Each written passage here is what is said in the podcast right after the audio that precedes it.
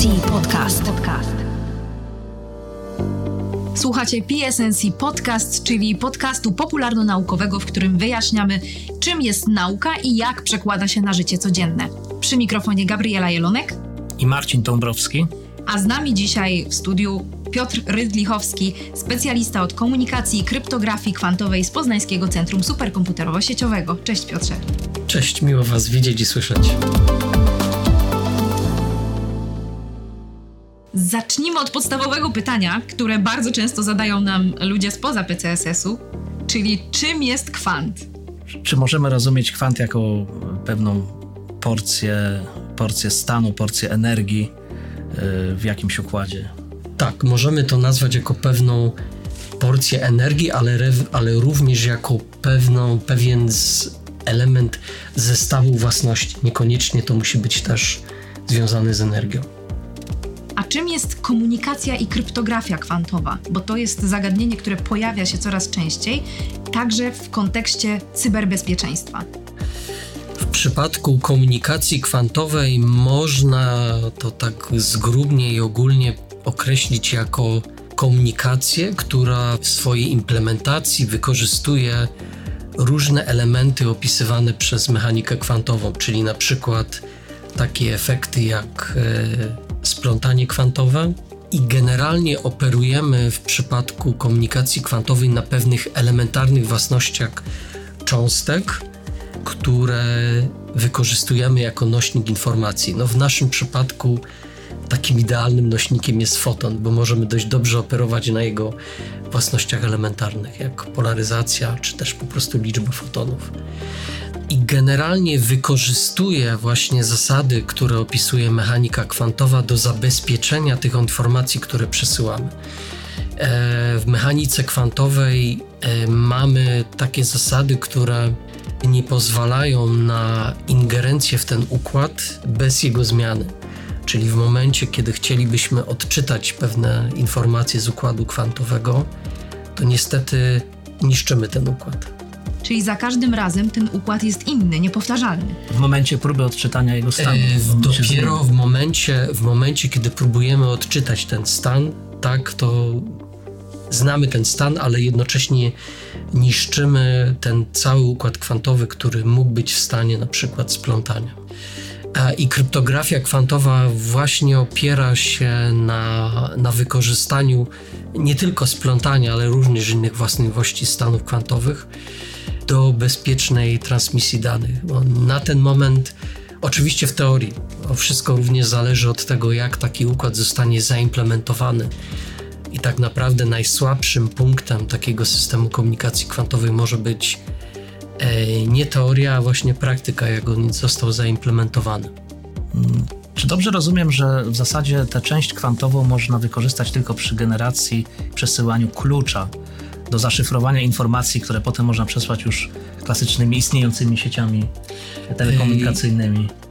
Technologia, o której Marcinie mówisz, czyli tak zwana kwantowa dystrybucja kluczy, jest takim, można powiedzieć, pierwszym praktycznym wykorzystaniem technologii komunikacji kwantowej, czyli generujemy klucze za pomocą tak zwanych kwantowych generatorów liczb losowych i przesyłamy kanałem na przykład włóknem światłowodowym lub wolnej przestrzeni, bo fotony, jak wiemy, mogą e, propagować się zarówno w ośrodku, jak i też w wolnej przestrzeni.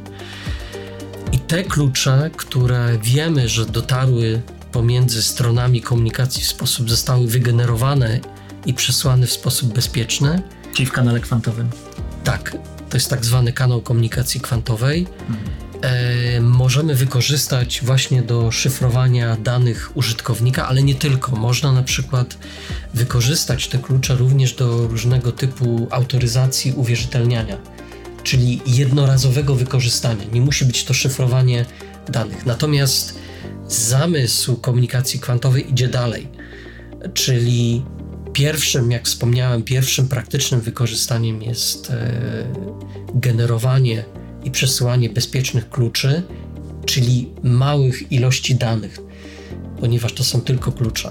Natomiast w szerszym kontekście e, zamysłem jest stworzenie sieci komunikacji kwantowej, tak zwanego kwantowego internetu. Oczywiście Jest to długofalowy pomysł. E, natomiast zamysłem w takiej sieci będzie przesyłanie splątanych fotonów. Również jako dane.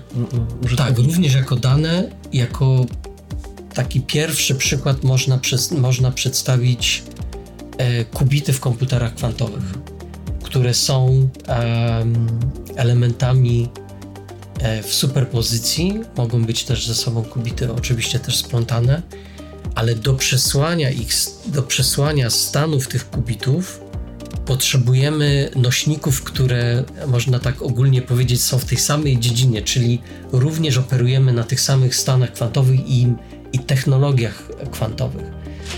A, I tu właśnie z pomocą przychodzi e, komunikacja kwantowa i szeroko pojęte wykorzystanie splątanych par fotonów mhm. e, do przesyłania na przykład właśnie tych kubitów. Piotrze, jak zobrazować koncepcję bezpieczeństwa klucza kwantowego? Jest jeden taki bardzo ciekawy przykład, analogia z bańkami mydlanymi.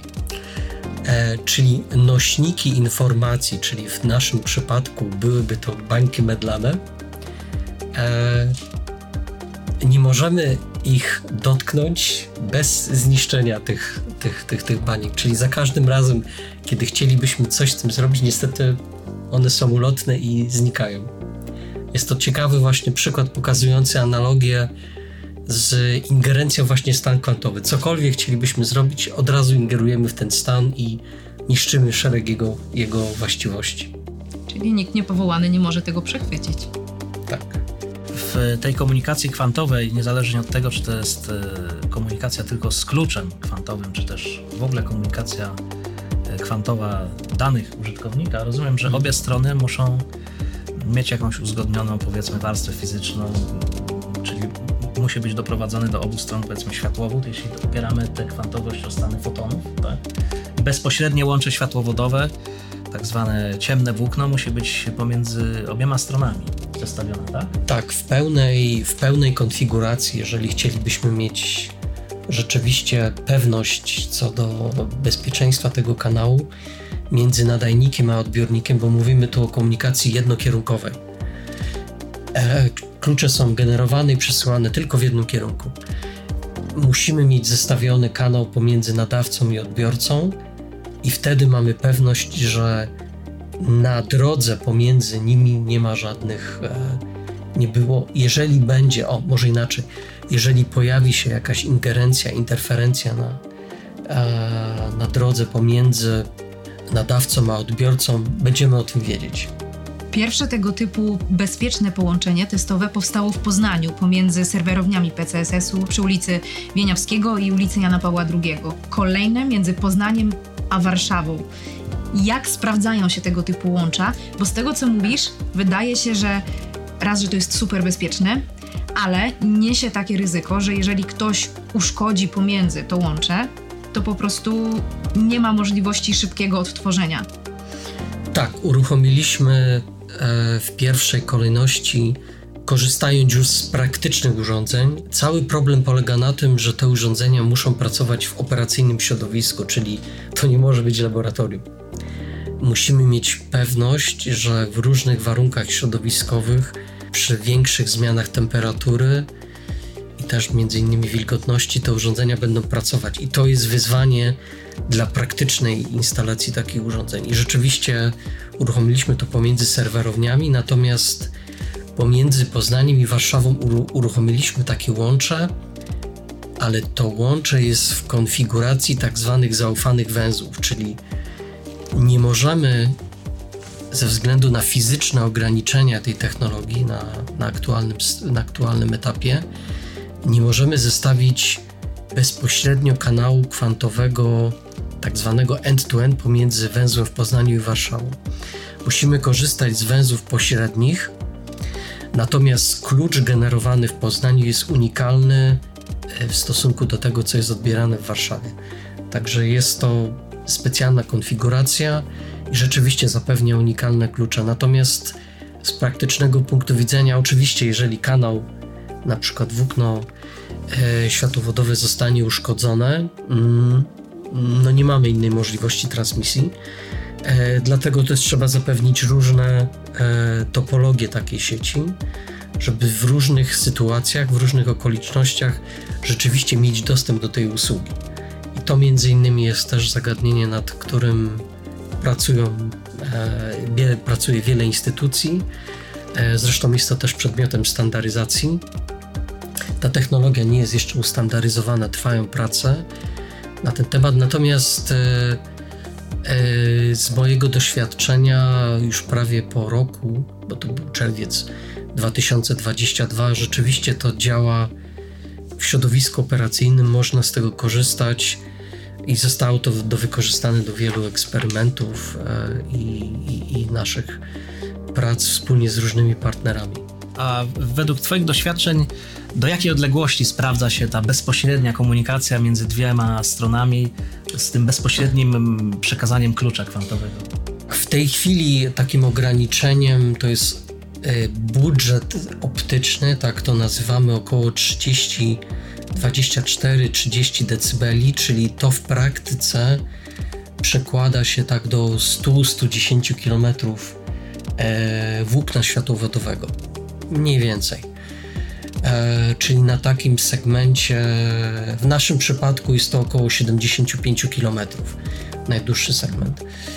I to nie musi być jedno włókno, to może być kilka włókien połączonych jakimiś, czy, czy to spadanych, kanał, czy to... Y, kanał kwantowy jest przesyłany zawsze na jednym włóknie. Na jednym włóknie, bo inaczej powstaje jakieś dodatkowe tłumienie, tak, które... Możemy... możemy... Wyciek tego, można powiedzieć, wyciek fotonów, który powoduje już zniszczenie tego stanu degradację stanów kwantowych, tych fotonów, które przesyłamy w, w kanale kwantowym. Tak. Można spróbować przesyłać, są takie implementacje wykorzystujące wspólne włókna, czyli kanał kwantowy jest przesyłany jako część e, sygnału innego systemu transmisyjnego, ale niestety jest to o wiele bardziej złożone w implementacji i ma o wiele więcej ograniczeń. Czyli nie mamy już e, tak dużego budżetu optycznego i e, takiego pola manewru, jest to zdecydowanie mniej, kilkanaście, dwadzieścia kilometrów, może nawet mniej. E, nie jest, to, nie jest to niestety takie proste, dlatego najlepszym rozwiązaniem aktualnie jest przesyłanie tego kanału kwantowego dedykowanym włóknem światłowodowym. Jednym po prostu włóknem od, od tak. nadawcy do odbiorcy. E, to jak długimi kluczami się operuje? I jak często się je wymienia w takim razie w takiej komunikacji? Prędkość, e, długość, długość tych kluczy jest też troszkę powiązana z prędkością, jaką można uzyskać na tym łączu i jego jakością. W naszym przypadku e, najwyższą, e, najwyższa prędkość, jaką udaje się uzyskać, to około 3, 3 kilobitów na sekundę. Na sekundę. A w praktyce korzystamy głównie z kluczy o długości no maksymalnie 2048 bitów, możemy też 4096, czyli staramy się dopasować długość tych kluczy też do tego, jak, jakie klucze są wykorzystywane aktualnie w systemach kryptograficznych. No, przeważnie jest to 256 bitów, e, ale oczywiście są też dłuższe klucze. I jaki jest okres ważności takiego klucza, zanim on się e, zmieni w tym systemie? To jest, to jest pole manewru, wynik też dla operatora i dla systemu zarządzania kluczami. E, tego typu urządzenia mają swój wewnętrzny bufor, czyli e, gromadzą, e, gromadzą te klucze, natomiast od użytkownika zależy, jak dużo i jak długo te klucze mają być przechowywane w tym buforze. Możemy sobie wyobrazić scenariusz, że te klucze chcemy wykorzystywać jednorazowo i w ogóle ich nie przechowywać. także to trochę zależy od użytkownika. Wtedy uzyskujemy maksymalne bezpieczeństwo, bo każdy klucz jest tak, maksymalne tylko raz.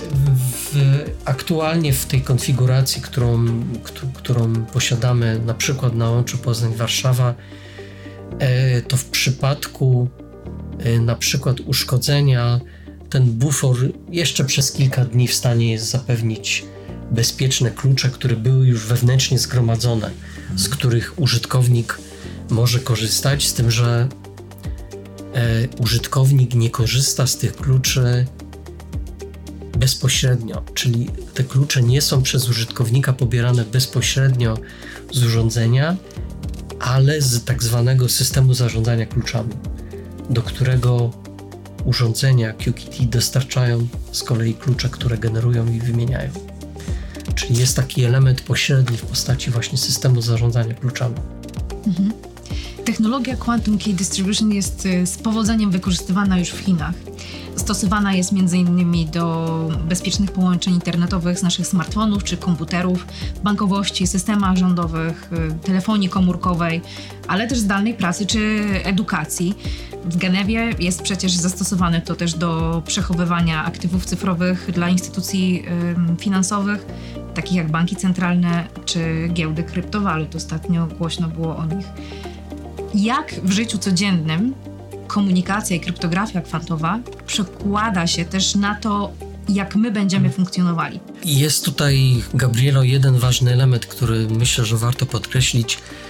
Te implementacje, o których mówisz, są ciekawe, to są yy, rzeczywiście jest szerokie spektrum różnych scenariuszy, natomiast w tej chwili takim największym hamulcem, tak to nazwę, dla tej technologii jest brak standaryzacji certyfikacji. Ona jest w trakcie bo nikt nie skorzysta z e, technologii, która ma zapewnić bezpieczeństwo, jeżeli ona nie jest certyfikowana i ustandaryzowana.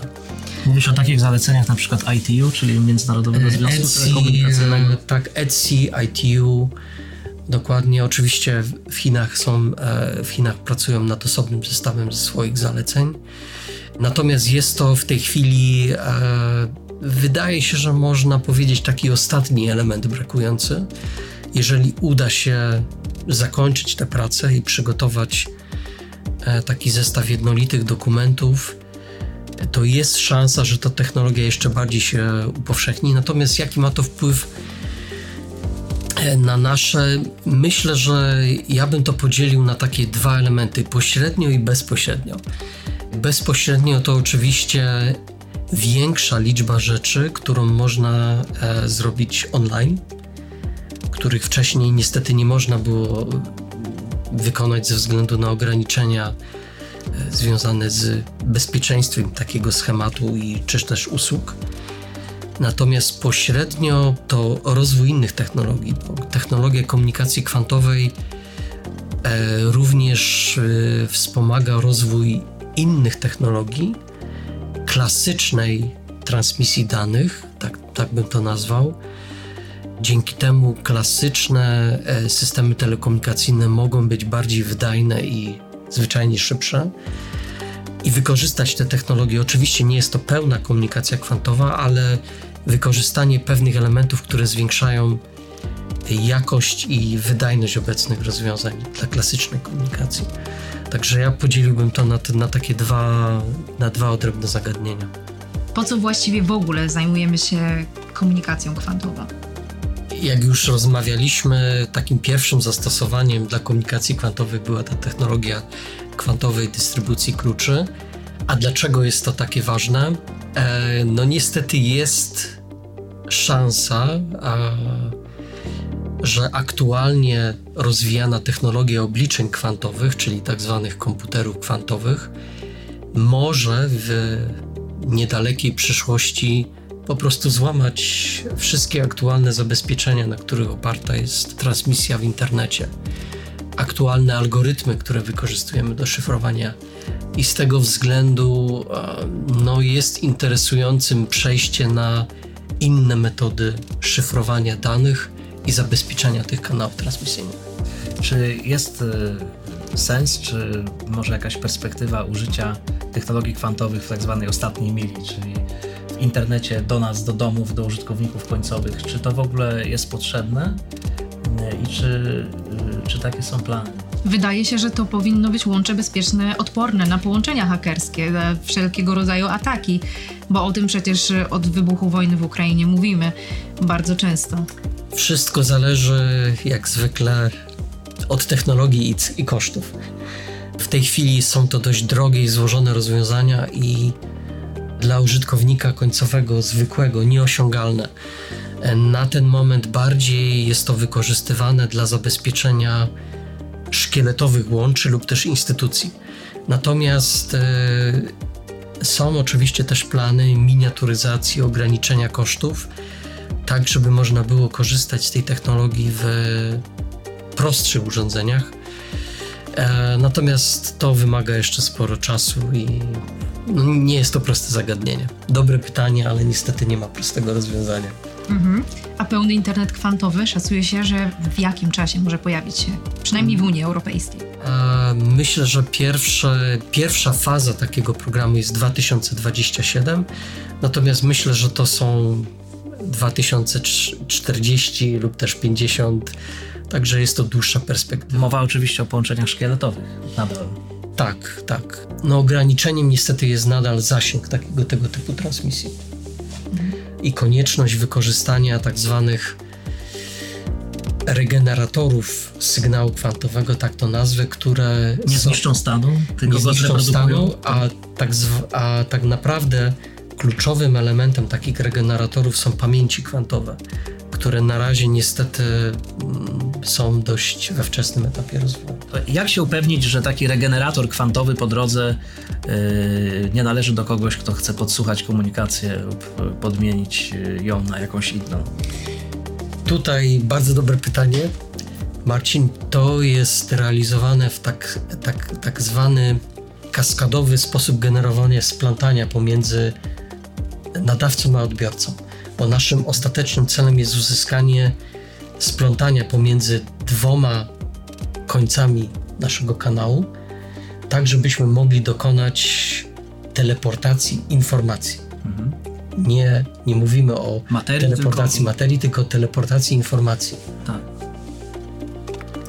A i w momencie, kiedy rzeczywiście osiągniemy to splątanie pomiędzy jedną i drugą stroną, może mamy pewność, że rzeczywiście ten kanał jest. Czyli obie strony są w stanie zweryfikować osiągnięcie splątania i to jest dowód na to, że nie zostało to po drodze podmienione, tak? W pewnym sensie, tak, tak.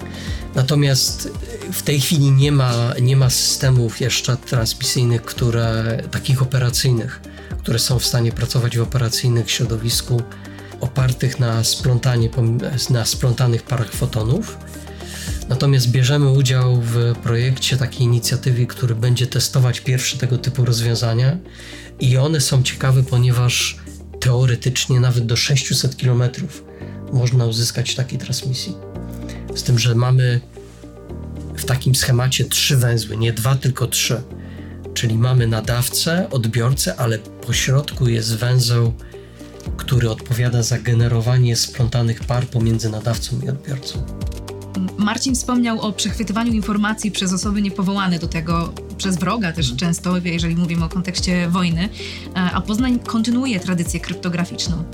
Mowa oczywiście o Enigmie, której szyfr został złamany przez poznaniaków. I w jaki sposób tamto łamanie szyfrów i kryptografia Enigmy przekłada się na to, co mamy dzisiaj?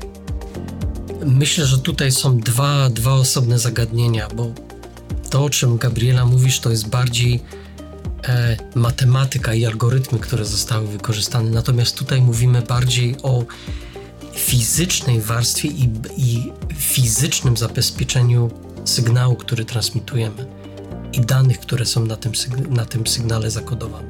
Czyli kryptografia na trochę innym poziomie. Tak, na innym poziomie. Enigma powstała po to, żeby zabezpieczyć kanał komunikacji, który wszyscy mogli słyszeć, bo to była komunikacja radiowa, te, telegraficzna, radiowa. Każdy mógł y, za pomocą stacji nasłuchowych y, słuchać komunikatów nadawanych na przykład do ubotów, y, czy nadawanych przez, przez niemieckie wojska i chodziło o to, żeby za pomocą pewnej warstwy fizycznej, która jest otwarta, zaszyfrować informacje w wyższej warstwie. Natomiast tutaj zabezpieczamy już sam fizyczny sygnał, czyli jest to zabezpieczenie tak. o warstwę niżej. Oprócz tego, że zabezpieczamy dane, bo szyfrujemy je dosyć długim kluczem, jak Piotr mówił, to jeszcze oprócz tego do wymiany klucza, do, do generacji klucza, do wymiany klucza używamy bezpiecznej warstwy fizycznej. Na tym polega ta różnica między Enigmą a tak. kwantowym systemem wymiany klucza. Tak, czyli nie technologia sama z siebie nie szyfruje żadnych danych. Dostarcza jedynie sposób na e, bezpieczne w naszym aktualnym stanie wiedzy generowanie i przesyłanie kluczy, które następnie możemy wykorzystać do szyfrowania, ale różnymi algorytmami. W tej chwili trwają prace nad, e, nad standaryzacją nowych algorytmów, tak zwanych post-quantum, czyli które wykorzystują zupełnie inne podejście, inny problem matematyczny do szyfrowania, ale to myślę, że to jest temat na osobną rozmowę. Bardzo Ci dziękujemy za wyjaśnienie tematu komunikacji kryptografii kwantowej. Szalenie ciekawego. Piotr Rydlichowski z Poznańskiego Centrum Superkomputerowo-Sieciowego był Waszym i naszym gościem, a przy mikrofonach Marcin Dąbrowski i Gabriela Jelonek. Dziękujemy Wam i do usłyszenia w kolejnym odcinku.